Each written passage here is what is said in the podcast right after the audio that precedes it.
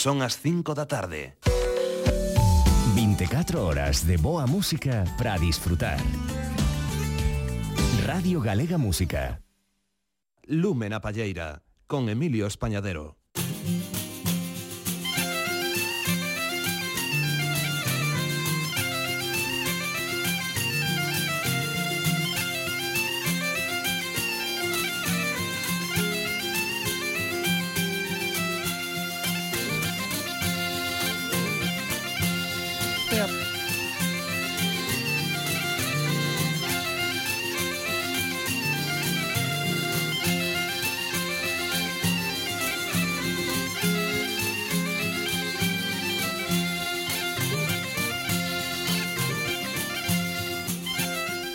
Moi boa tarde a todas e a todos cos saúdos dende o control técnico dos nosos compañeiros Bruno Area e Xosé Manuel Amado damos vos a benvida a un novo Lume na Palleira.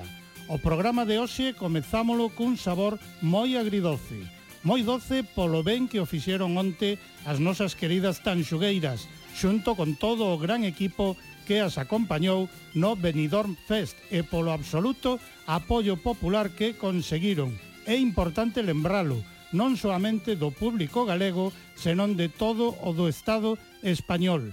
Pero o sabor de hoxe, por desgraza, é tamén moi agre, por un resultado final que, aínda que non semellaba totalmente inesperado, despois do que xa aconteceu na primeira das semifinais, foi para min, digo volo sinceiramente, como unha lavazada de realidade. Unha lavazada que me fixo espertar do soño colectivo de que unha proposta musical galega de alto nivel, inclusiva, reivindicadora da nosa memoria e do noso patrimonio inmaterial, respectuosa con todas as linguas e absolutamente original para un concurso desas características, podía ser valorada tamén por un xurado definido como profesional como digna de representar a totalidade dos povos do Estado nun festival como Eurovisión. A lavazada fixo despertar e comprobar que seguían a pesar máis outros tipos de intereses. Sobre ese xurado que decantou a decisión final de que tan xugueiras quedase no terceiro posto, ídesme permitir que garde un estricto silencio, principalmente porque estamos en horario infantil. O sabor, como dicía, é agridoce, pero nós ímonos quedar para sempre con esa parte tan doce e que tan felices nos fixo e nos segue a facer a todas e todos. Iso sí, Eu teño que rectificar algo que dixen o pasado domingo na despedida da nosa conversa coas tanxugueiras, concretamente coa primeira que acababa de chegar a Benidorm, para desexarlles moito ánimo e moita forza. Eu dixen que se había que ir a Eurovisión, íase, e que senón non pasaba nada, que asíamos querer igual. Pois ben, hoxe teño que rectificar iso que dixen, porque non as queremos igual, querémolas moito máis aínda. Sabela, Olaya, Aida, sodes as nosas auténticas triunfadoras, o noso orgullo, as auténticas gañadoras nos nosos sentimentos e nos latexos dos nosos corazóns. E xa demostrachedes ao mundo e o seguiredes a facer que as tanxugueiras, coas raíces ben fondas e a pandeireta na man, sodes a nosa terra. Música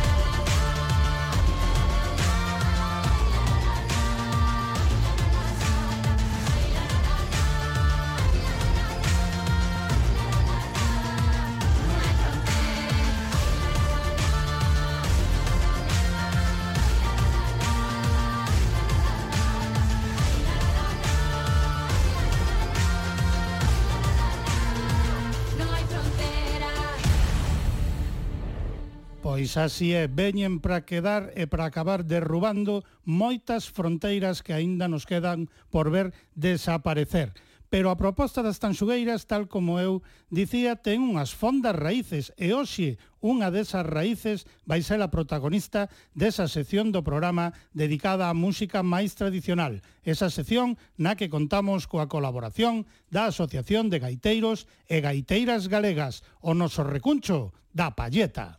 you.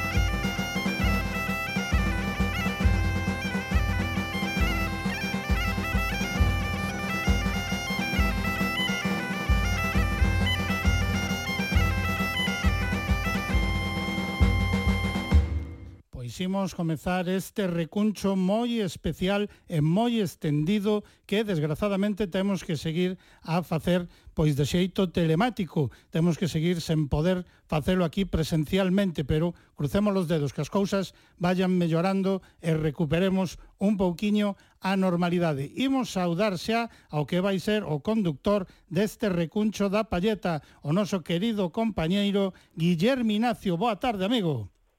Boa tarde, Emilio, aquí estamos de volta. Que me dera terte aquí, amiguiño. Ai, non eh, sabes, que é mutuo. A ti e a compañeira que hoxe te acompaña e que nos sí. vai presentar un impresionante novo libro disco. Que cousas tan uh -huh. fermosas nos ofrece Xulia Feixó. Boa tarde, compañeira. Boa tarde, Emilio, boa tarde, Herme, como estades? Un placer terte aquí connosco de novo, aínda que sexe así, a través do fío telefónico. O, que, o dito, crucemos os dedos, esperemos recuperar a normalidade eh, e que poidamos vernos as caras aquí en directo, de acordo? Correcto. Emilio, eu teño sí. que aproveitar a ocasión para mm, sumarme ferventemente ás túas palabras e creo que o fago tamén de parte de toda a AGAG uh -huh. eh, dando parabéns ás panxugueiras, de acordo? Porque sí, os seus os seus éxitos eh, están sendo quen de abrir a nosa música a novos públicos, polo mundo adiante, seguro que lles agarda un gran futuro, e algo que, que nos esperamos, porque entendemos que os seus éxitos están a ser e van ser tamén para toda a música galega en extensión para, para a xente que traballamos coa música de tradición oral, non? E hai que lembrar que que tan xogueiras veñen da base, elas, uh -huh. elas tres, do que é a música tradicional, do tecido asociativo, que temos que reivindicar, que temos que seguir reivindicando, xa que destas asociacións eh, que traballan pola difusión da música do baile de tradición oral, pois está a base de, de todo e estas mulleres quedaron tan longe partindo dai. E isto non fixo máis que empezar. Eh? A partir de aquí, aínda máis para arriba. Eh? Elas e a nosa música en xeral. Exacto, exacto. Entón, pois nada, efectivamente, isto ten, ten moito que ver porque todas estas asociacións pois traballan eh, en base a, a información que nos trasladaron mestres e mestras como a protagonista de hoxe, Concha uh -huh. Luís Seoane, Concha do Canizo, do, sí. do lugar da, da Gudiña. Da Gudiña. E, e nada, imos entón presentar este novo libro que, que nos presenta a musicóloga viguesa Xulia Feixó, dentro da colección eh, a, a chave mestra da, da Central Folke. Uh -huh. Xulia, isto, se non teño mal entendido, é o teu fin de máster, non? Por la Universidade de, de Valladolid, é así? Sí, en efecto, cando estaba, bueno, por decidir o, o tema do traballo fin de mestrado, uh -huh. xa iniciara un pouco as conversas con Ramón Piñeiro, Chito, sí, Chito. o editor da, desa colección, da Chave Mestra, Eh, al pareceulle super interesante a figura de Concha, igual que no seu momento lle parecera interesante a figura de Maruxa das Cortellas, uh -huh. e dixen, bueno, pois perfecto, aproveito toda o aparello eh, académico que me ofrece a Universidade de Valladolid co Departamento de Endomusicoloxía, que é maravilloso, sí. e o meu titor de mestrado, Enrique Cámara de Landa, que é un dos mellores endomusicólogos do mundo, uh -huh. e dixen, bueno, pois vou aproveitar a súa experiencia, os seus consellos, para facer pois un novo traballo para, para esta claro. colección. Así que, en efecto, si, to, a xénese deste libro é o meu traballo fin de mestrado, o, sí. O teu fin de mestrado, que me perdoen os animalistas, é sen mala intención, pero ti así de paso matabas dous paxaros dun tiro, non? Totalmente, totalmente. Puiden, deste xeito, puiden traballar moitísimas horas, dedicarlle gran parte das tardes e prácticamente todo o verán deste curso e máis do pasado. Eh, sí, xurde unha oportunidade e, e ali Parabéns. dos paxaros dun tiro, efectivamente. Pois parabéns, porque novamente nos ofreces un grande, grande traballo. Que a ver o que che quere preguntar agora sobre el o amigo Guillerme, que para algo é o conductor do recuncho. Non lle quero comer protagonismo. Correcto. a ver, Guillerme. Ben, pois nada, eh, oe, se eh, intervén que aquí isto facemos a tres bandas, ainda que se xa así de maneira telemática, o que poidamos, como poidamos. Sí, señor. Ben, eu teño unhas preguntiñas entón para Xulia, eh, vamos profundizar un pouquiño en todo este universo que, que nos deixa delegado eh, Concha. Por exemplo, claro, a importancia do, do propio instrumento, porque eu creo que é unha das cuestións centrais da figura de, de, de Concha do Canizo, non? Concha, eh, bueno, pois pues temos no, no disco ata 46 cortes de, de, de audio nos que se escoita la cantar ou algún recitados ou demais, de todo tipo, non? Hai moitísimas, moitísimos paus do, do, do canto tradicional, da música tradicional, eh, e acompañada de instrumentos cantada e acompañada de instrumentos, pero o pandeiro é algo moi moi, moi central na súa, uh -huh. na súa figura, porque, claro, non hai moitas eh, boas tocadoras na, que chegaran ata nós, que puderamos claro. gravar. Eh, entón, pois, creo que esa é unha das primeiras preguntas que lle faría a Xulia, non? que lugar ten a figura de Concha na recuperación do, do pandeiro cadrado que se deu na Galiza nas últimas décadas.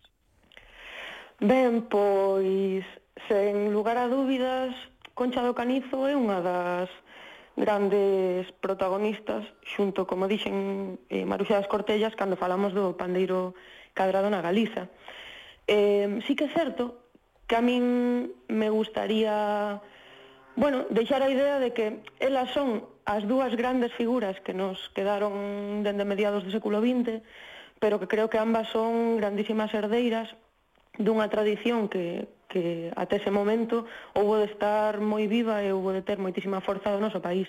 Desgraciadamente, cando nos puxemos a estudar eh, e a pescudar arredor do pandeiro cadrado, pois bueno, tristemente só quedaban estas dúas grandes figuras como máximas representantes, uh -huh. aínda que tamén moitas outras informantes que fomos atopando no camiño e por sorte despois de, de anos de investigación, bueno, pues decatámonos de que non só estaban aí Concha e Maruxa, había outras moitas máis, pero sen dúbida elas son as, digamos, a rockstar do instrumento no país, isto é indiscutible, o, sea, o seu xeito de interpretación, a grande práctica e virtuosismo, a cantidade de repertorio que elas atesouraron na súa memoria, e sobre todo, en ambos casos, a vontade que tiveron de conservar todo o que tivera que ver con este instrumento. Ademais de ser intérpretes virtuosas, o que foron foi grandes conservadoras da memoria alrededor deste instrumento. Penso que estes son os dous riscos máis senlleiros destas dúas figuras e, por suposto, da nosa protagonista de hoxe de Concha do Cani. Claro, grandes tocadoras, como dicías, grandes conservadoras e como moitas veces temos subliñado aquí en Lúmena Palleira, xenerosísimas transmisoras, non? Sí, sen dúbida, eu penso que que chama atención. Eu aparte, bueno, pois é algo que que cadrou así eu Inda que fixen moitísimo traballo de campo alrededor do pandeiro, xusto a estas dúas informantes non as puiden coñecer, porque as dúas morreron antes de que eu empezara a traballar co, co instrumento, pero sí. sí que escoitei moitísimas grabacións que lles fixeron as compiladoras, os compiladores dos que falarei despois. Uh -huh. eh, sempre me quedo coa mesma idea, que é o prazer que lles producía contar cousas arredor da música tradicional. O gusto co que falaban coas compiladoras, eh, exactamente a súa xenerosidade e como nas entrevistas se xeneraba un clima no que tanto entrevistadora como entrevistada compartían un código, que é o da música, non? Eu uh -huh. si que o vexo como diálogos entre entre colegas, non? Entre compañeiros de profesión. Sí. E iso é algo realmente maravilloso, porque estas mulleres eran auténticas profesionais do seu instrumento, aínda que non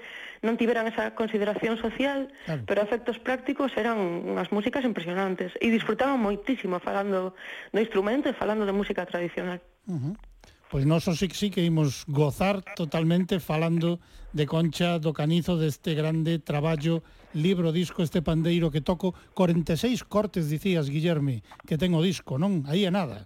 Home, moitos son pequeniños, pero hai 46 pezas para escoitar, non? Sí, sí, sí, é que claro, eh, igual tamén lle podemos preguntar a Xulia sobre isto, non cales son as outras eh, vertentes da, da, da, do seu repertorio, do repertorio que nos deixou fora fora, fora do pandeiro. Non podías nos facer unha, unha semblanza xeral de como era Concha como informante, que che parece? Concha é atómica como informante, é dicir, é unha, como vos dicía, unha música espectacular E entón, melodía que Concha escoitaba a través da radio, a través dun canteiro que chegara a Gudiña para construir o, as vías do tren ou melodía que escoitaba nunha feira, automáticamente, e que lle gustara, evidente, automáticamente quedaba integrada dentro do seu repertorio. Uh -huh. Digamos que Concha tiña este mecanismo que é super habitual dentro dos mecanismos das músicas mm, orais, sí. ela tiña o super, super refinado. Entón, que facía? Integraba esa melodía, integraba un sistema literario como é o das coplas, cuartetas octosilábicas, eh, aquelaba un acompañamento de pandeiro, e xa inmediatamente esa melodía pasaba polo filtro da súa linguaxe musical do canizo, formaba parte inmediatamente do seu repertorio. Uh -huh.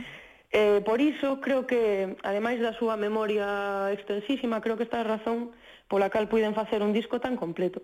Claro. Indo así, non só hai repertorio de acompañado de pandeiro, como poderedes escoitar. Aproveitei que había espazo e que efectivamente había cortes moi cativiños, para máis que ofrecer ou non só ofrecer un disco sobre sobre o pandeiro no canizo, senón facer como unha paisaxe sonora do que houbo de ser o universo musical no tempo de Concha mm, no canizo. Entón, pois ademais das pezas de pandeiro, pois hai cancións relacionadas co, co ciclo do Nadal, tamén con coa ciclo da vida, hai un par de arrolos que son preciosos, uh -huh. hai un montón de xogos, algúns recollidos por Lomax e logo despois bastantes do, do arquivo de Guillerme, mesmamente, sí. e logo, sen dúbida, hai un par de cantares de traballo que pechan o disco que me parecen impresionantes. Uh -huh.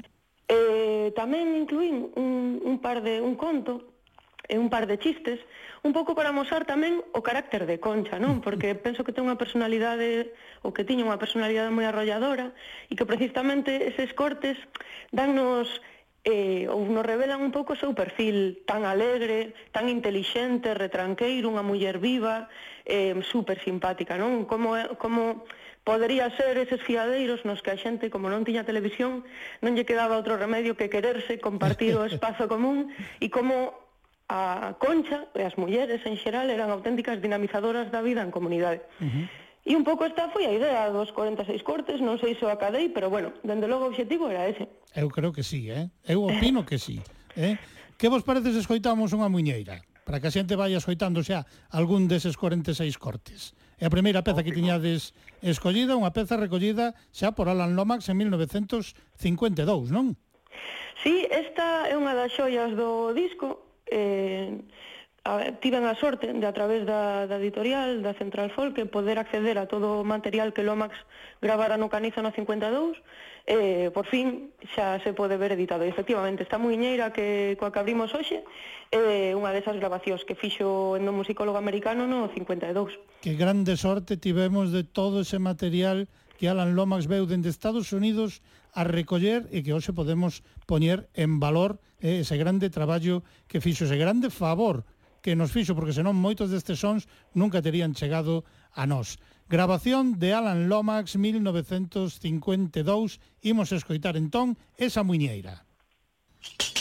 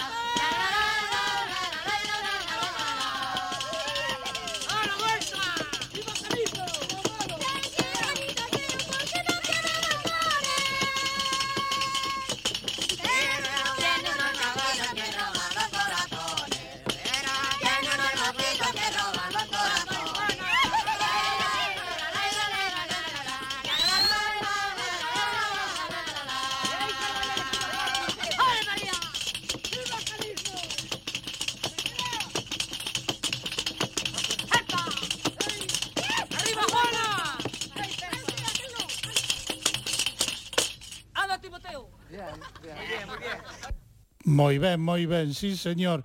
Pero Xulia, unha cousa que sempre me ven a min á cabeza cando falamos de Alan Lomax, digo eu, que, que, que, que opinión tería a xente da Gudiña, a xente do Canizo, cando de repente aparece un tipo de Estados Unidos cunha grabadora, situémonos, ano 1952, querendo recoller este material. Pois un pouco lendo os diarios de Lomax, uh -huh. eh, escoitando anos despois, como conta Concha esa historia, sí. penso que foi moi a galega, non? Ao principio el chegou, eles miraron de arriba abaixo, dicindo este home de quen ven sendo. Claro. Eh, un par de horas despois estaban, como di el, danzando como sátiros no, no bar do pueblo, por licor, café a rolos e todo o mundo superintegrado. Claro. O, sea, o, o foi a galega. O principio é eh, ti que ves pretendendo. Exactamente. Pero unha vez aclarado, o que queiras. Sí, que e volve cando queras, e leva chourizos pa casa, que estás moi delgado. Sí, como foi a galega. Sí, sí. completamente. Pois a ver, Guillerme, continúa aí co teu repertorio de preguntas, Eu creo que tes unha enquisa aí para Xulia potente, sí, non? Sí, sí, sí, eu, sí, sí, a mí xa sabes que me, me tocan as, as fricadas de... Eu xa vos de... irei parando para ir poniendo algo de música, eh? contamos con iso, contamos con iso. Ben, pois, a ver, escoitábamos agora esta, esta grabación e ata agora na entrevista falamos do pandeiro, pero aquí escoitabas algo máis que un pandeiro, sí. non? Entón, eh, das dúas, unhas dúas cousas que quería preguntar para profundizar neste tema do acompañamento can, da, do canto tradicional eh, no canizo. Cal era a formación instrumental tradicional das, das pandeiradas de, de, da Godiña, do canizo neste caso? Pois, verdadeiramente, Os instrumentos preferidos no canizo para acompañalo o canto eran o pandeiro, que como no canizo chaman o instrumento de catro esquinos, o instrumento cadrado, uh -huh. e a pandeira. A pandeira, nesta parte oriental do país, eh, dinlle ao que comúnmente entendemos como pandeireta, é dicir, un instrumento redondo con ferreñas dun tamaño máis ou menos parecido ás pandeiretas que usamos todos hoxe. É dicir, chamanlle pandeira pero non, non ten que nos viramente eses, eses instrumentos tan grandes das montañas de Lugo. Uh -huh. Entón, verdadeiramente, a parella oficial para facer a pandeirada no canizo eran o pandeiro e máis a pandeira. Vale.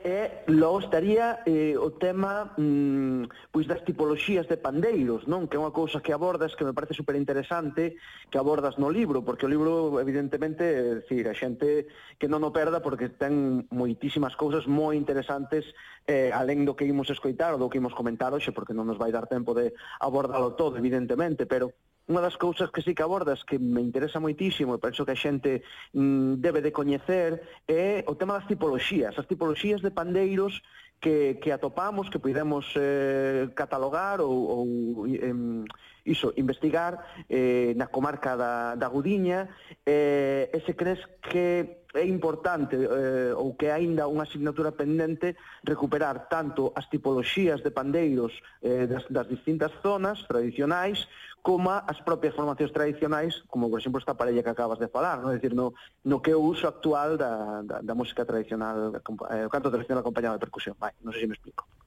Sí, sí, sí, perfectamente. Pois con respecto á primeira pregunta, É eh, moi interesante que me fagas ti, ademais, porque, bueno, como todo mundo saberá, pois é un traballo das tipoloxías de pandeiro que estamos a facer xuntos, eh, Guillerme Maiseu, donde o grupo de traballo alrededor da tradición, uh -huh. Eh, efectivamente, dende o ano das a seis que empezamos as primeiras entrevistas xuntos, eh, sí que fomos, foron aparecendo pandeiros antigos. Creo que é momento tamén de agradecer a colaboración de, de todas as persoas que saben que andamos detrás destes instrumentos e que nos dan o aviso cando é necesario, como é Xosé Maceda ou Héctor Salgado Morenita. Uh -huh. eh, gracias a eles, pois eh, descubrimos catro instrumentos antigos nesta, nesta zona, nesta área xeográfica. Eh, efectivamente, sí que eh, non son demasiados, pero empezan a darnos certa perspectiva sobre como se comportou, como se houve de comportar este, este instrumento no país. Entón, eh, en contraposición, por exemplo, os instrumentos que apareceron no centro da, da provincia de Pontevedra e que quedaron recollidos no, no libro de, de Maruxa das Cortellas, sí que é certo que dá a sensación de que hai dúas grandes tipoloxías de pandeiro cadrado no país. Unha representada efectivamente na, na terra das Frieiras e outra, digamos, que na, pois iso, na zona de Soutomayor, Pazos de Borbén, así no, no interior da provincia de Pontevedra. Con respecto a esta zona, eh, digamos que os catro pandeiros que, que puidemos documentar pois apuntan unha tipoloxía que é máis cativa, máis pequeneira, eh, cun peso máis livián que os da provincia de Pontevedra, unha cantidade enorme de bordóns, é dicir, un gusto moi particular eh, por esta sonoridade moi, moi abordonada, e sempre con poden aparecer pois outros elementos anexos, non? É dicir, un instrumento realmente poderoso, pero tamén manexable. Se o comparamos co da provincia de Pontevedra, que era un pandeiro moito máis grandote, tamén bastante máis estreito, tremendamente pesado, pero tamén con bordóns e con outros elementos como arouxos ou leguminosas dentro, pois decatámonos de que efectivamente a idea que temos hoxendía deste instrumento eh, está un pouco distante aínda a sonoridade que, que lles gustaba nas aldeas para facer a, o baile comunal. E aquí entro xa eh, a responder á segunda pregunta de Guillerme. Efectivamente, queda moito por, por investigar, eh, queda moito por reivindicar esta sonoridade anterga, que no fondo é moi poderosa.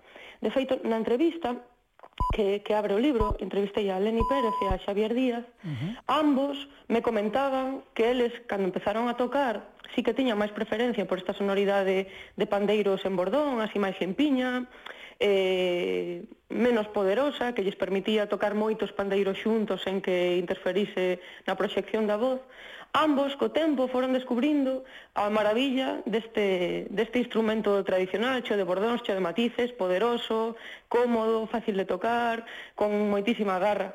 Eh, penso que a xente que nos escoite, sobre todo a xente que lle guste a música de tradición oral, a música cantada acompañada de instrumentos, pois eh, que se decante por probar, por poñerlle bordóns, por seguir os planos que deixo e as medidas que deixo no libro, uh -huh. e que investiguen un pouco nas sonoridades antergas, porque efectivamente, como vimos onte eh, no Benidorm Fest, a tradición é absoluta contemporaneidade, non hai que abandonar os sons tradicionais para expresarnos eh, no noso día, non? Entón, sí, reivindico estas sonoridades e eh, digamos que aporto un poquinho máis de diversidade, un poquinho máis de riqueza a que pode ser a sonoridade actual da nosa tradición. Claro.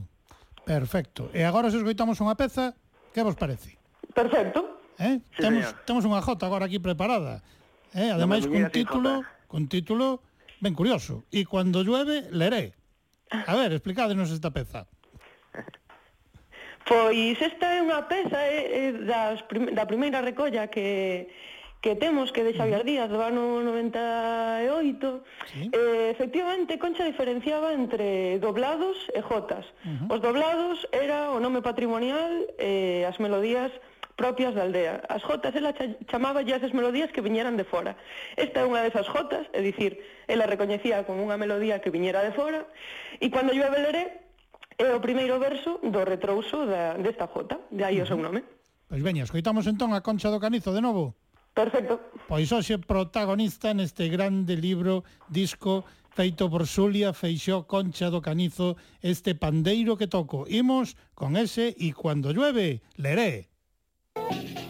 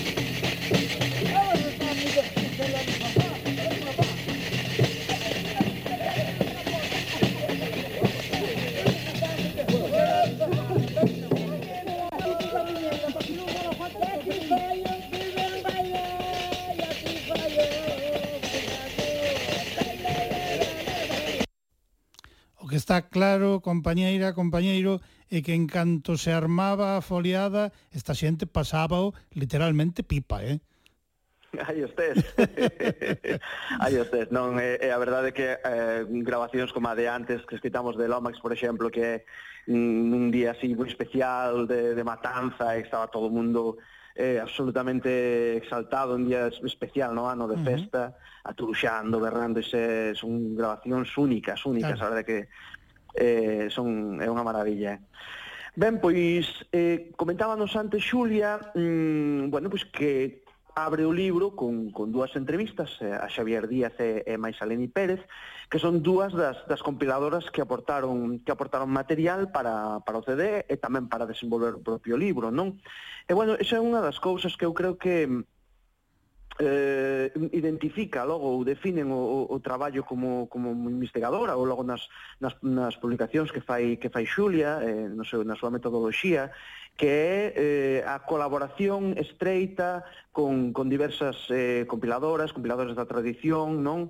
para, para bueno, pois para entre todos mm, facer eh, este traballo tan necesario, verdade, de, de, uh -huh. de peneirar, de, de profundizar, de, de meterte aí a fondo no, no, no, nun, pois nunha aldea ou nunha informante ou nun ritual concreto, non para poder despois explicalo pois desde o punto de vista da ciencia, desde o punto de vista dunha dunha investigadora, en este caso dunha psicóloga, non? Por iso quería preguntarlle pois eh, por un lado cales foron as outras eh, compiladoras, eh, é dicir, bueno, como é esa relación tamén, podes comentar cada como é a túa relación Xulia co, cos, cos, cos compiladores que están aportando material que outros compiladores a, eh, aparecen eh, sí, bueno, con estas cousas penso que está ben sí.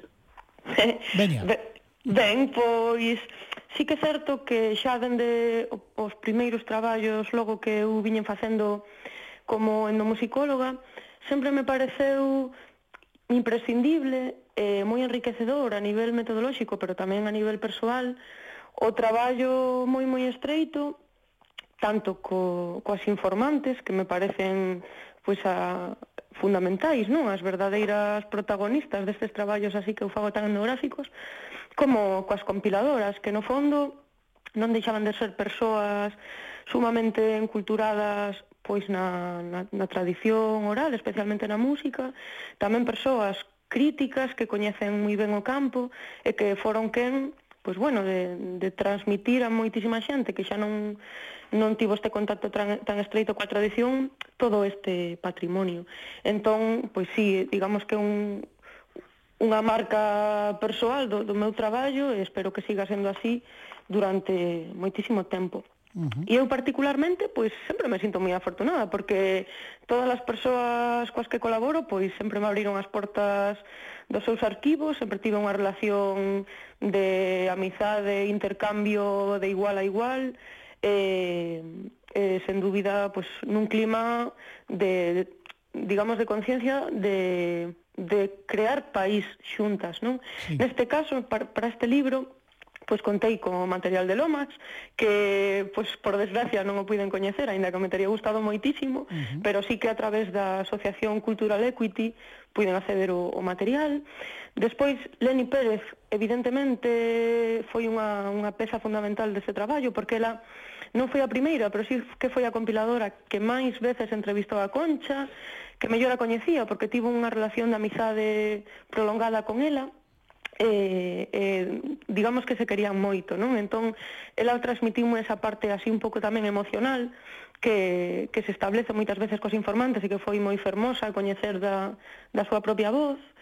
Despois Xavier Díaz, que foi o primeiro en dos, das recollas que eu teño, evidentemente, en entrevistala no ano 98, co que tamén colaboro moito e co que é un placer traballar, sen dúbida. Despois, eh, a, a recolla de Chisco, uh -huh. de Javier Feijó sí. do ano 2004 é moi interesante porque nesta época da súa vida digamos, de compilación, facía unhas entrevistas etnográficas moi profundas e moi interesantes, e así é a, a do 2004.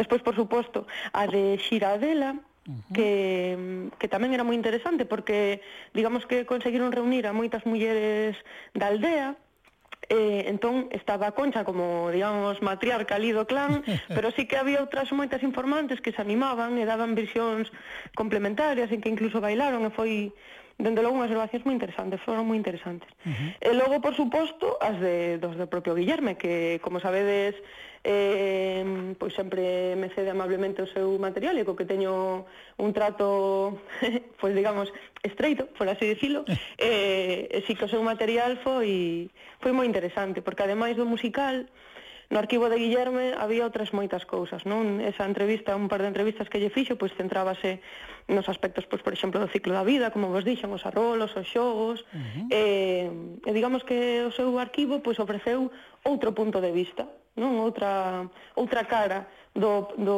repertorio de Concha. Uh -huh. Pois podemos presumir de que esa generosidade da que eu falaba é interseracional. O sea, se vai descendendo tamén, según imos avanzando, tamén hai generosidade por parte da xente que fixo esas recollas en momentos fundamentais e os que lle temos que estar tamén moi agradecidas e agradecidos. Pero eu case tamén quero aproveitar para preguntarche a túa opinión, Xulia, sobre aquelas e aqueles que o mellor teñen material recollido e o que prefiren facer é meterlo nun caixón e botarlle a chave. A ver, eh, é evidente que todos somos donos do, do por un lado dos nosos actos e por uh -huh. outro lado das cousas que nos pertencen, non é unha decisión persoal. Que che vou dicir? Eu creo que cando alguén comparte o que ten eh, o colectivo, e iso permite tecer co traballo dos demais e así generar un traballo colaborativo, pois fai que todos, no fondo, nos beneficiamos e, en definitiva, que o noso país sexa un pouco millor. Uh -huh. en, pero, claro, eh, eso é o meu punto de vista e dende logo a maneira co que eu trato o meu material a xente que non o ve así pois está no seu libre dereito e é unha mágoa pero bueno, pois todos decidimos sumarnos ou non Eu coincido contigo, é unha verdadeira mágoa eh? pero cada un é cada quen Eh? Claro. Que vos parece se escoitamos agora unha adiviña que tedes por aquí preparada? Ai, maravilloso, encántame esa adiviña. Eh? Maravilloso. Temos aquí... Eu pensei, Emilio, sí. Dime. pensei que podíamos empatar a adiviña que é moi breve, cun arrolo, que che parece? Ben, pois podemos poñer as dúas pezas seguidas, dos ovos no niño e o arrolo con rabiño. Escoitamos as xuntas? Efectivamente. Pois veña, o noso compañeiro Bruno xa ten aí preparadas as dúas pezas para que soen seguidiñas.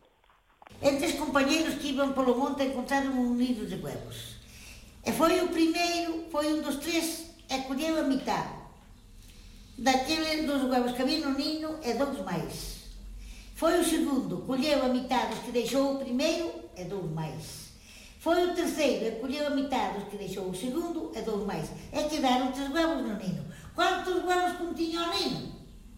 Este meniño ten sono e o sono non quere vir.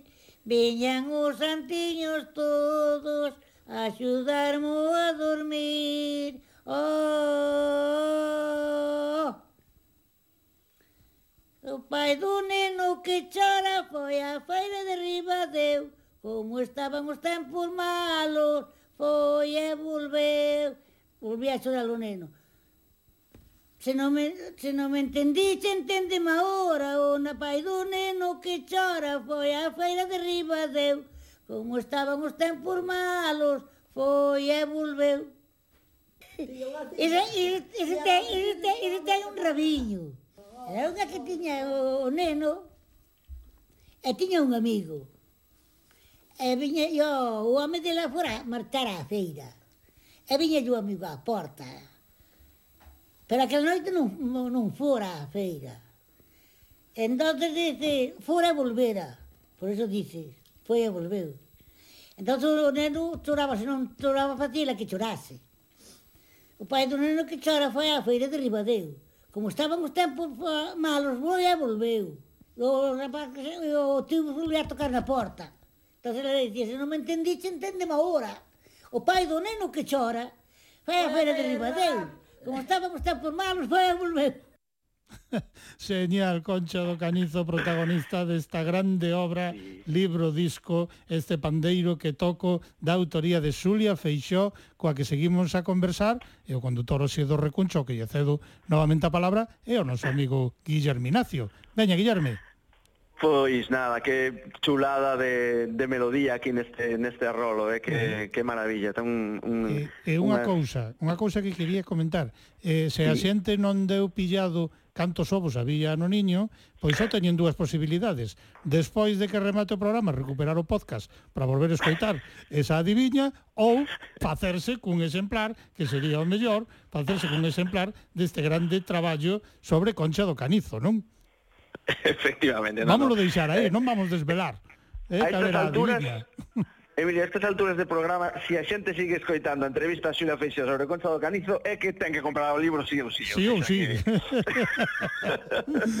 Como non van a estar aí escoitar, home? É que lle está realmente interesando. Claro é que está que realmente interesando aquí as fontes da nosa tradición, de onde ven todo, verdad que sí? A nosa, a nosa audiencia ten absolutamente unha absoluta paixón por estes traballos tamén, eh? Prestas o folk, pero tamén a música máis etnográfica, a música absolutamente de raíz, así que de seguro que todas e todos están aí gozando con esta presentación. Pois nada, o que dicía que hai que comprar o disco, o digo, perdón, o libro. Mirade, eh, unha das cousas que tamén define moito a colección da, eh, da que estamos a falar, de a chave mestra, é eh, o das fotografías, porque é un apartado que se coida moito, é, dicir, é un formato un libro dun formato pois bueno, eh, moi xeitoso, non é moi grande, tipo manual, ten unhas unhas tapas duras moi moi boas e despois o que vos digo, acompáñase de, bueno, pois cuídase moito a, a fotografía, non? Entón, bueno, quería lle preguntar eh, a Xulia, por exemplo, pola, pola, pola foto de, de portada e, eh, e, eh, eh, en xeral polo, polo, polo arquivos, os arquivos fotográficos donde botastes man. Uh -huh. Sí, pois a, a foto de portada é unha foto que me cedeu outro dos compiladores destacados eh, para este traballo, que foi Xosé Lois Foxo, que ademais de ter unhas grabacións estupendas, pois sempre tivo moita, moito cuidado co material gráfico do seu arquivo. Entón, esta portada tan fermosa que ten unha pequena historia que agora vos conto, é do seu arquivo. Tiven eu un erro na revisión da edición e, e nos créditos da imaxe está equivocada a procedencia da, da fotografía, pero sí que me gustaría agradecerlo en público a Foxo e, e o arquivo que ten en Ourense na Deputación por, por cederme esta, esta foto para a portada. E digo vos da historia porque o pandeiro tan fermoso que ten Concha do Canizo nesta foto regalouyo Leni Pérez porque cando empezou a entrevistala pois o pandeiro, os pandeiros do Canizo pois xa se perderan ou xa se estragaran e ninguén, e ninguén os aquelara e Leni, cando empezou a entrevistala pois fixolle ela mesma este, este pandeiro e Concha agardouno sempre con moitísimo cariño así que vai aí a meta historia tamén nesta foto. Moi ben, pois de Leni Pérez, do seu arquivo, é a seguinte peza que temos preparada, que tampouco é moi longa, eh? Preséntanos a peza, Xulia. Imos ver, dime o nome Pasacalles da peza. Pasacalles de Entrudio. Ah, este é un tema. Ah, pensei que, pensei que tiñas aí a listaxe, eh? Tiña, teño aquí a lista, pero por se si acaso metí a pata, pois pues quería Nada, confirmar. non hai variacións. O pasacalles de Entrudio é eh, un do, unha das únicas pezas do repertorio de pandeiro, non só de concha, senón do pandeiro en xeral, que non é acompañada deste instrumento dentro, dentro do contexto do baile comunal. Esta peza o pasacalles eh, interpretábase no tempo do entrudio, que como lle chaman o entroido eh, no canizo, e iba unha comitiva, un grupo de mozos e mozas, entroidados, é dicir, travestidos, disfrazados, eh, iban de barrio en barrio, é dicir, de grupo de casa en grupo de casa, cun, como cun pasacalles, non? Como, como en comitiva. E entón, diante de todo, iba unha muller tocando esta peza xunto, acompañada co, co pandeiro eh, para pedir, para facer a festa uh -huh. e eh, para amenizar o tempo do entrudio. Pois podemos escoitar entón esa peza, xa se nos vai achegando esa festividade tan marcada no calendario das nosas festas. Eh, a máscara, pois mira, xa temos que levala obrigatoriamente, pero a ver se ademais podemos, podemos gozar un poquinho máis este ano desa festa, non? Sí, bueno, Igual de xeito tamén algo restringido, pero mira, polo menos no sonoro, pois recordar o tempo de Entrudio con Concha. Pois veña, imos entón con ese pasacalles de Entrudio, sabedes tal como nos acaba de comentar Xulia, tal como lle chaman no canizo a esa grande festa, Concha do Canizo.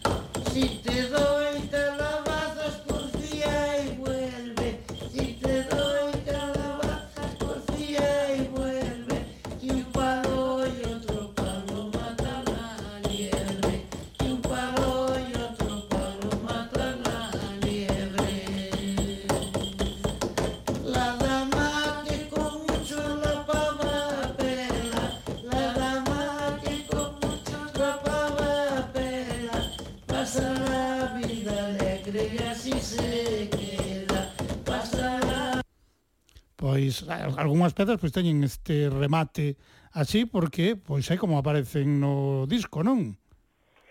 Sí, eh, en fin... É un remate sabes... que a xente pode dicir un pouco brusco, non? Esa parada. Sí, o que pasa que, claro, o traballo de campo, eh, as grabacións así antigas, ás claro. veces é, é o que teñen, pero uh -huh. bueno, como son datos te, testemunhas, claro. eh, non é material comercial, pois pues bueno, pois pues temos que ser algo benévolos con estas cousas. Claro que sí. No, era simplemente para explicarllo a audiencia de Lumena Palleira que podían pensar, pero que pasou? O mellor votaban ya culpa a Bruno, e Bruno non se técnico, culpa non ten ninguna, eh? Bruno non ten culpa ninguna, non, para nada.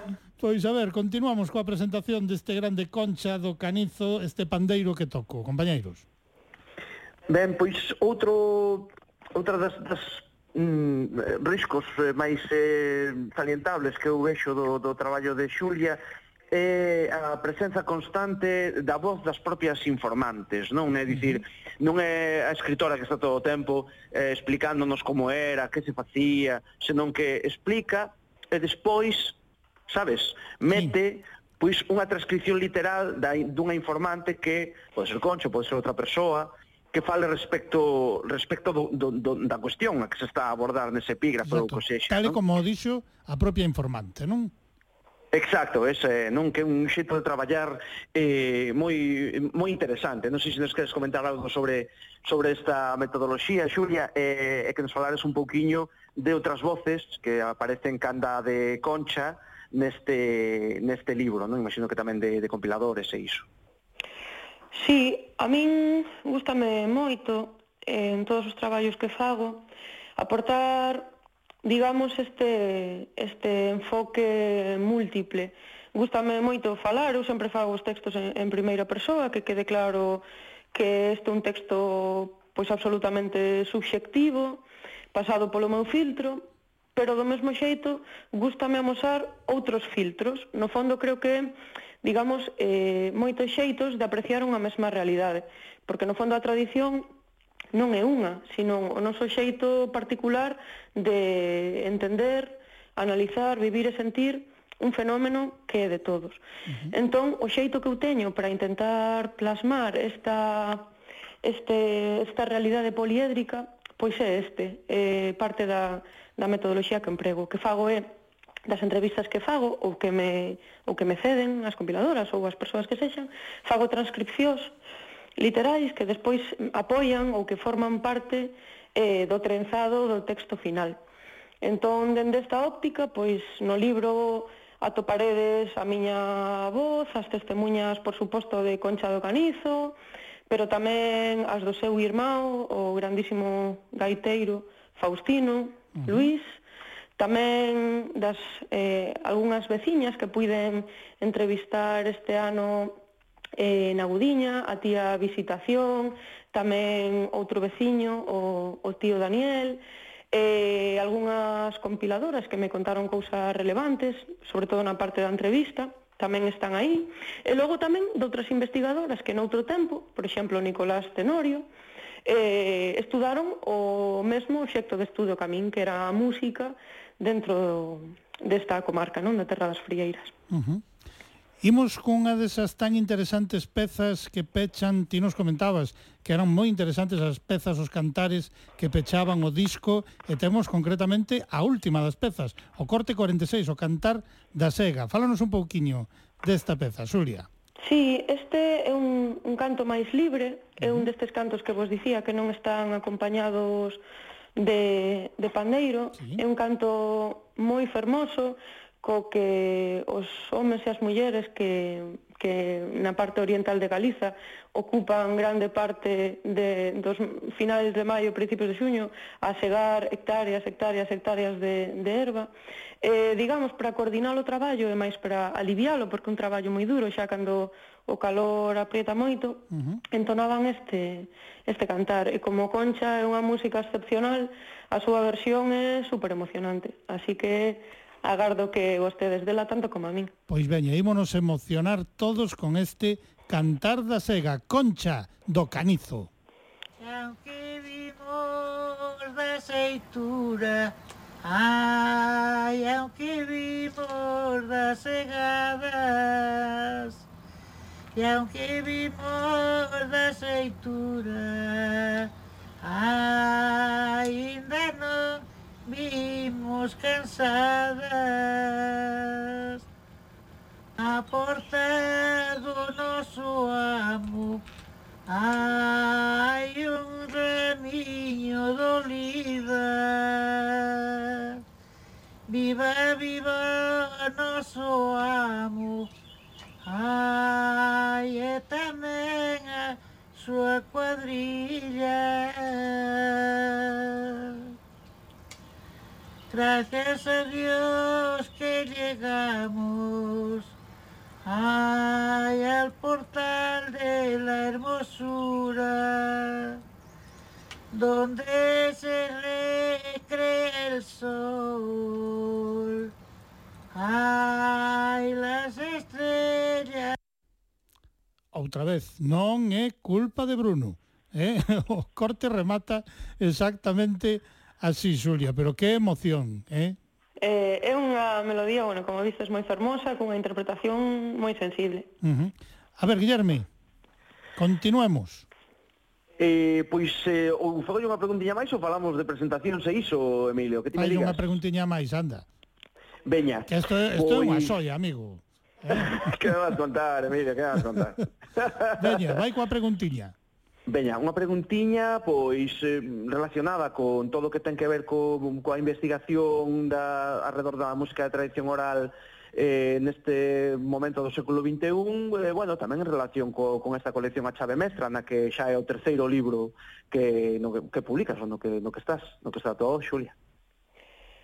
Ben, creo que a aparición, por un lado, desta colección, baixo o meu punto de vista, pois supuxo un antes e un despois, na, non tanto na investigación endomusicolóxica na Galiza, como na divulgación dos resultados desas investigacións.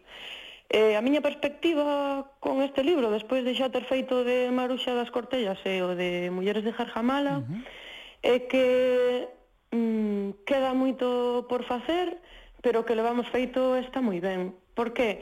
Porque eu vexo unha creciente interese por parte do, do usuario da tradición sí. de AP pé eh, absolutamente exponencial con respecto a, por un lado, a, a música vocal de tradición oral e con respecto ao, ao pandeiro.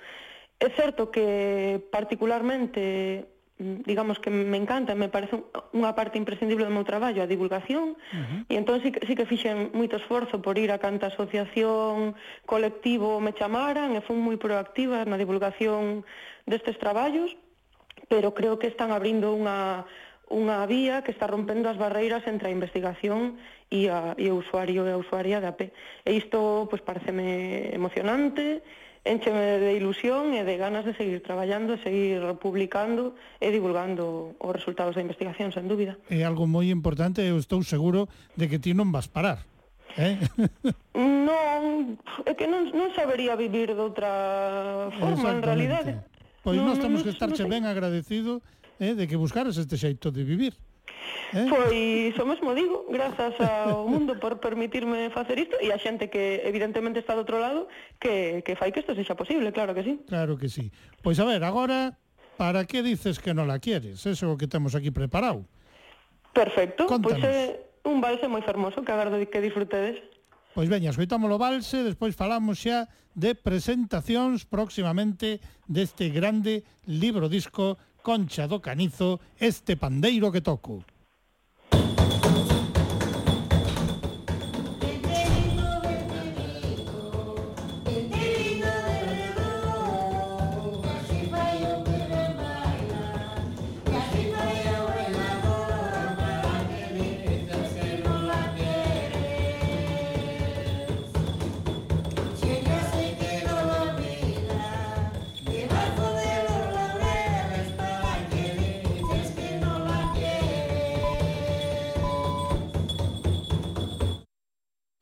Pois aí estaba ese valse, para que dices que non la quieres?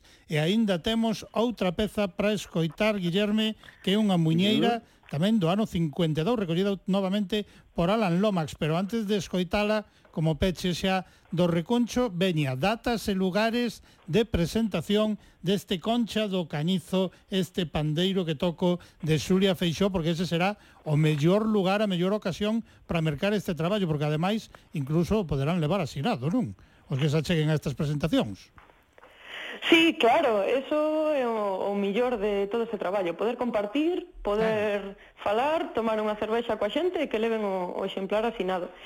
Eh, en que ocasións van poder facelo? Pois na semana de marzo, do 8 de marzo, da, do Día da, da Muller, da muller Vou facer dúas intervencións. Unha será no Conservatorio Superior de Música de Vigo, uh -huh. no Clube de Lectura da súa biblioteca, que me, me convidaron, aparte me fai, que me fai moita ilusión, porque é onde eu estudei en musicoloxía, así que, uh -huh. pues bueno, poder volver co libro é moi agradable para min. Ah, estás na casa, vamos. Estou na casa, efectivamente, chego na casa. En esa mesma semana irei a Xentalla do Pichel, seguramente tamén facer unha pequena presentación coloquio coas compañeiras en Compostela. Uh -huh. Despois, o 3 de abril, na maravillosa Arca da Noé, ese lugar de cultura, eh, coñecemento horizontal que me gusta tanto, uh -huh. convidada pola Noe. Eh, o día da festa eh, no Canizo, que é o 3 de agosto, pero aínda non, non sei o día exacto no que vou ir, pois irei facer unha presentación na Terra de Concha, ali no ben. Canizo. Que é mellor lugar tamén, eh, que é mellor momento, eh, na festa. Claro que sí, aproveitando que se vai xuntar a xente toda na aldea, pois mira, como agasallo a Concha a súa familia e a súa memoria, pois irei ali a, a dicirlles o, o maravilloso do seu patrimonio. E polo medio de seguro que haberán máis datas, podedes estar atentos e atentas a eses encontros, pois uh -huh. a través do Facebook, por exemplo, da Redor da Tradición, aí estarán todas esas datas, non? Efectivamente, iremos actualizando as datas que vayamos pechando, que a partir da segunda quincena de febreiro irán evidentemente medrando, e eh, ali podedes visitar eh, na página de arredor e eh, enterarvos de todo, todas as novidades. Moi ben, pois parabéns, Xulia, o noso agradecemento por este grande traballo sobre Concha do Cañizo, este pandeiro que toco, a derradeira pandeireteira da Gudiña, tal como tiña por título ese fin de máster en música hispana, unha microhistoria de Concepción Luis Seoane, que falecía con 95 anos, hai nada. Eh? Iso é. Eh? Aí está, pois moitas grazas a vos, Emilio, como sempre, por atenderme tamén e por facerme pasar un ratiño tan agradable. Bueno, un pouco de tortura, porque levas unha hora, máis dunha hora, coa orella pegada ao teléfono. Bueno, non te preocupes, que a min isto vaime no corpo, non, non te preocupes. Moi ben, pois moitísimas grazas, compañeira, moitísimas grazas tamén a ti, Guillerme, eh, por ser o conductor desta presentación do traballo de Xulia Feixó por ofrecernos este gran recuncho da palleta. Moitísimas grazas, compañeiro. Ben, pois, eh, moitas grazas a ti, Emilio, a ver se recuperamos a presencialidade e eh, a aproximatémola aí cara a cara, eh? A ver se é posible, eh?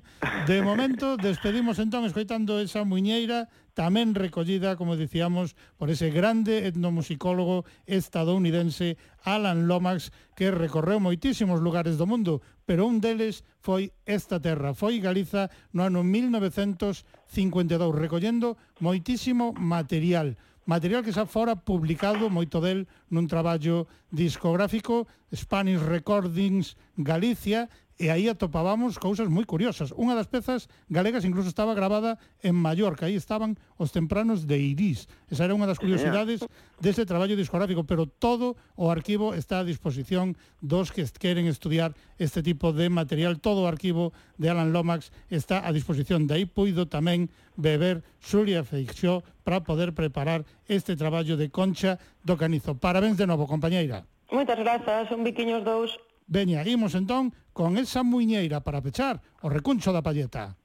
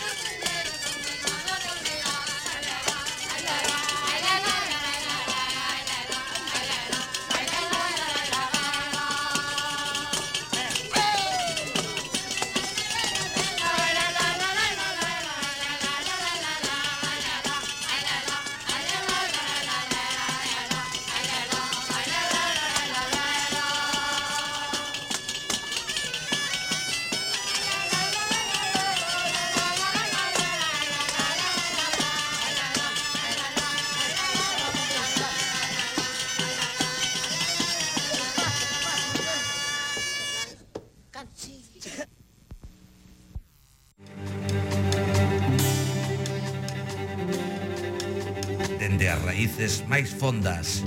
Música da terra. Lume na palleira Con Emilio Españadero.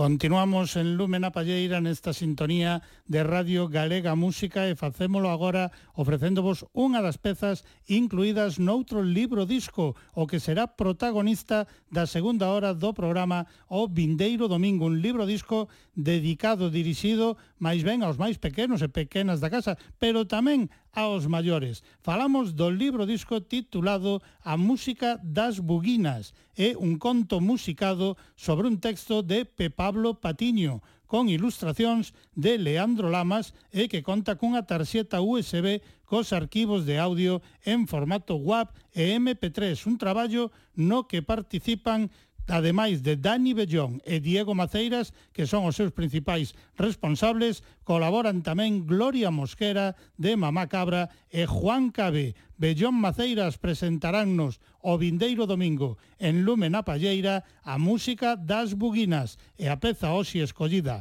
como mostra das músicas, das moitas músicas que inclúe este libro disco e este pasodoble tradicional do repertorio do sempre lembrado Xosé Seibane do que esta mesma semana se cumprían dez anos do seu falecemento, sempre na nosa memoria. Aquí está con Bosco o paso dobre de Seibane, como nos lo ofrecen nese libro disco, a música das buguinas, Bellón Maceiras. Mm.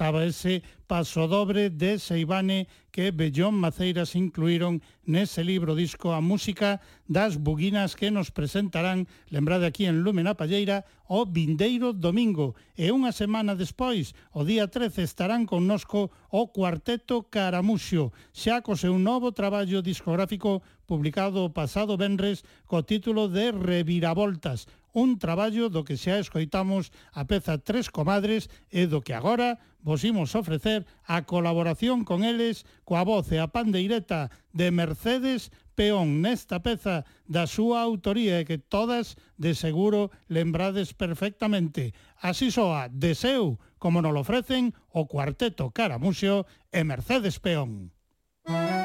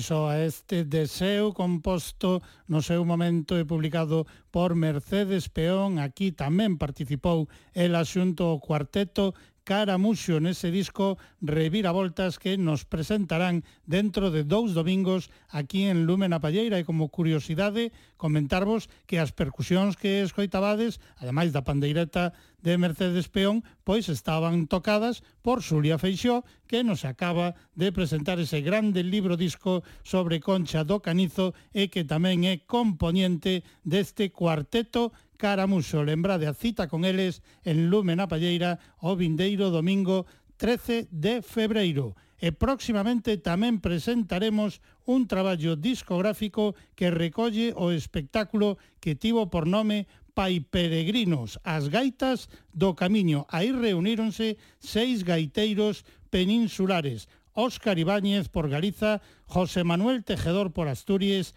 Tiago Morais por Portugal, Francés Sanz por Cataluña, Adrián Gil por Aragón e Luis Antonio Pedraza por Castela e León. A todos eles ímonos escoitar xuntos na peza que pecha ese traballo discográfico, unha peza titulada Pai Peregrinos Midli. Aquí soarán o Pasacorredoiras do dos Mato, Valladeta de Láliga de Vals, Real Campaña, Sotadivias, Vals del Gaiteiro, Bicha e Rías Baixas. Todo isto en directo interpretado por Pai Peregrinos.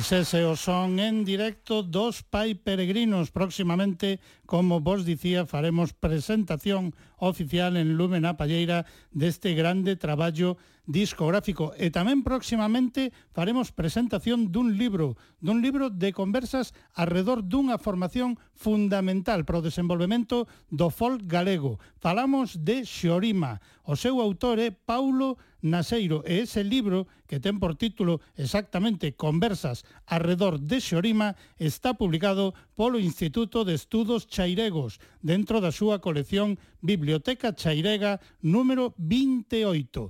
Imos lembrar aquel grande son adiantado á súa época e totalmente fresco hoxe en día de Xorima coa peza que daba nome ao grupo e ao que foi o seu traballo discográfico publicado en 1985. Aquí está con Bosco Xorima.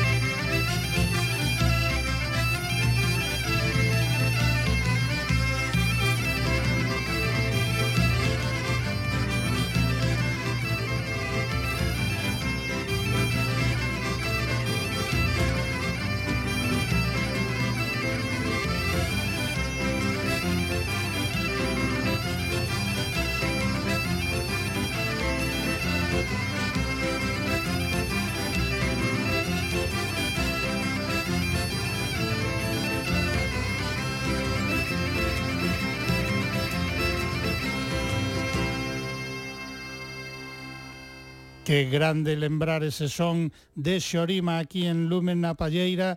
Lembrade en canto Asia nova data de presentación, xa que a primeira que se pretendía facer en decembro tivo que ser adiada polas condicións sanitarias en canto Asia nova data de presentación deste libro Conversas arredor de Xorima do que é autor Paulo Naseiro en Vilalba, pois tamén aquí en Lumen na Palleira faremos a correspondente presentación, a ver se pode ser presencialmente, a ver se nos pode acompañar tamén, ademais do autor, algún dos que foi componente de Xorima. Sería todo, todo un placer, pero iso cando haxa xa confirmación de presentación tamén do libro en Vilalba.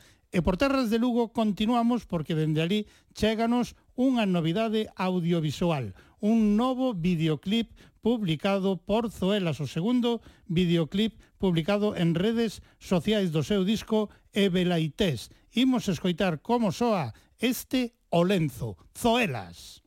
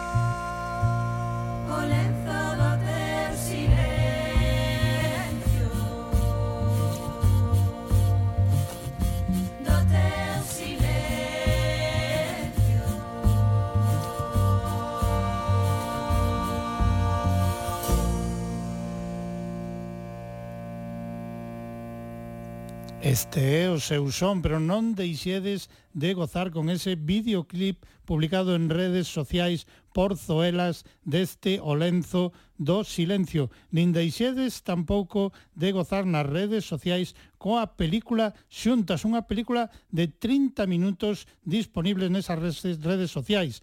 Aí encontraredes, atoparedes varias pezas interpretadas en directo polo grupo Sangre de Muerda, algunhas pezas que se van enfiando con distintas historias xunto a unha rapaza fantasma que vive no teatro onde se tocan esas pezas. Unha película de 30 minutos que Sangre de Muérdago vos ofrece co título do seu último traballo discográfico, Xuntas. Xuntas.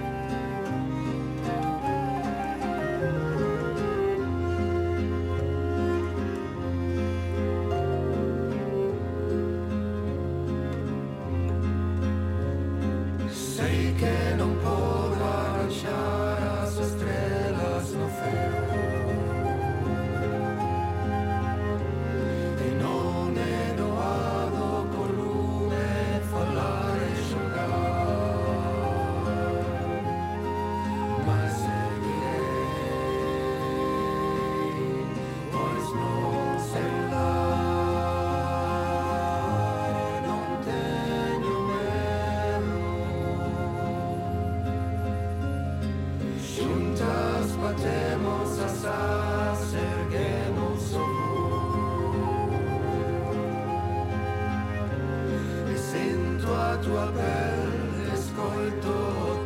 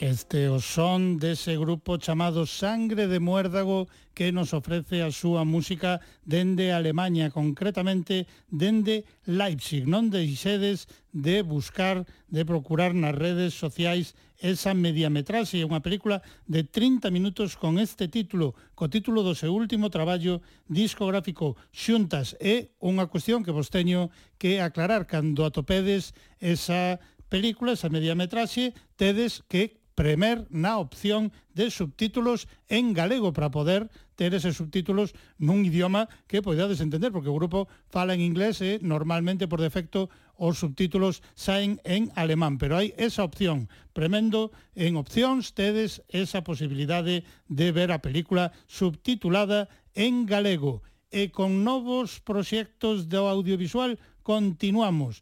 Imos agora cunha peza que publicou Fixe Trío, ese trío formado por Xela Conde, Joel Fontán e Blanca Mari Gómez. Do seu traballo discográfico do seu primeiro disco Sempre Fixe ofrécennos un videoclip dun tango en galego que o falar non ten cancela que eles mesmos compuxeron. O audio foi grabado e mesturado por Xosé Liz e masterizado por Víctor Fernández Gándara. E a grabación, mestura e edición do vídeo estivo a cargo do noso querido Bea Besada Estudios, o noso querido Diego Bea Besada. Ademais, o trío contou coa colaboración para este novo videoclip da bailadora Cecilia Chechu Riquelme. Aquí está ese tango en galego que o falar non ten cancelas que nos ofrecen Fixe Trío.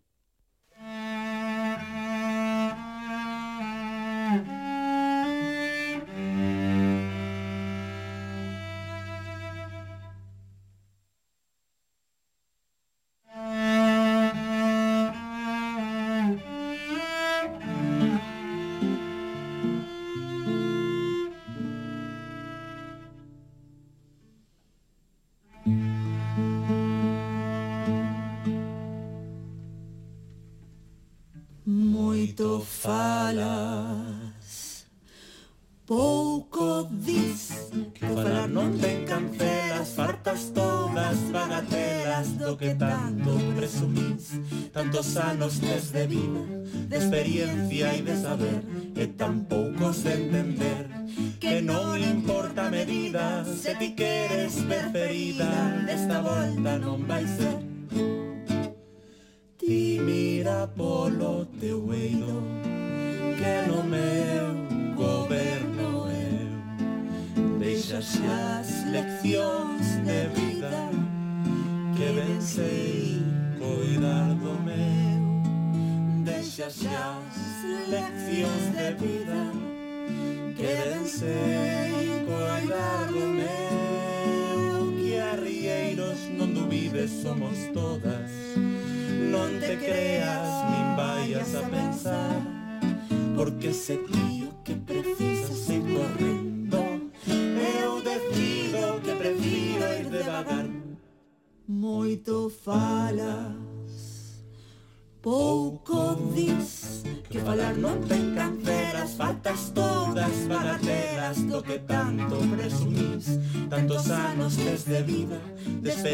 alegría y de saber que tampoco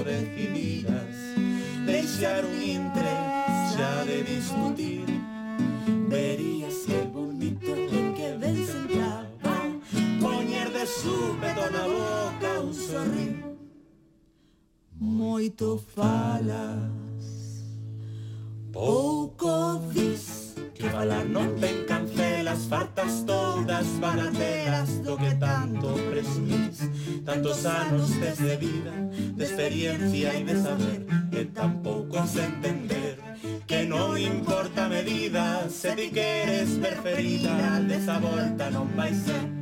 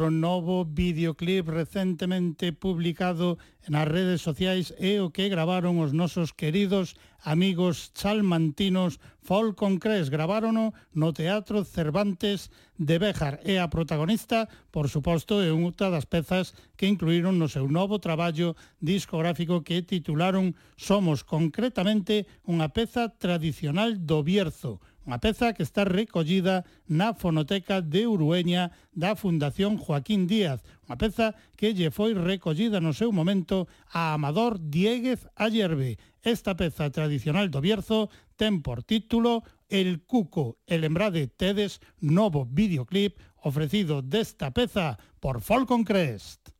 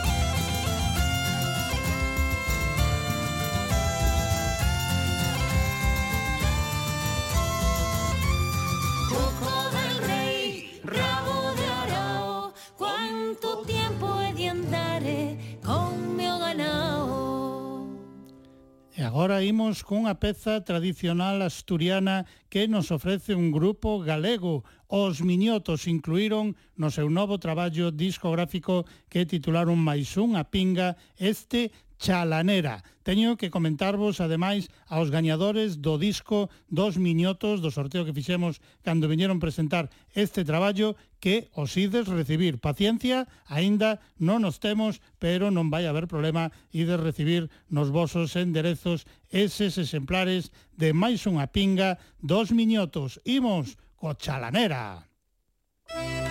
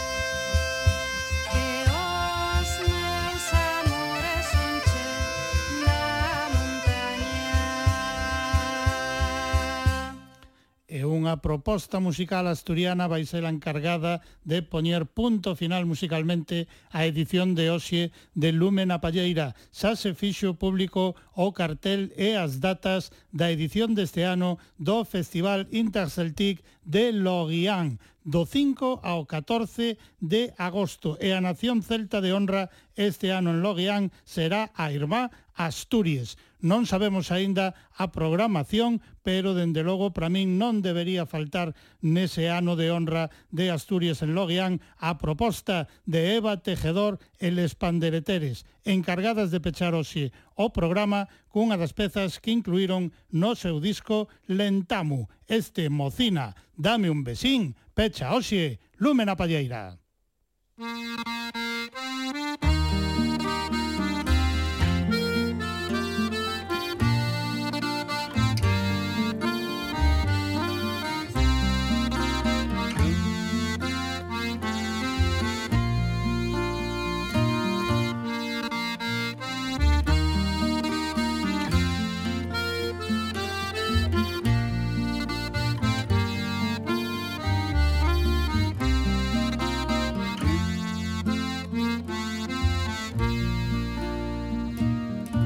Marina, dame un besín, pa' guardarlo hasta que vuelva, que quiero hacer con él una medalla y ponerla y besarla todas las noches, pa' besarte a ti con él. Mocina, dame un besito estoy muriendo de pena. ¿Por qué? Dime por qué. ¿Por qué cierres los huellitos?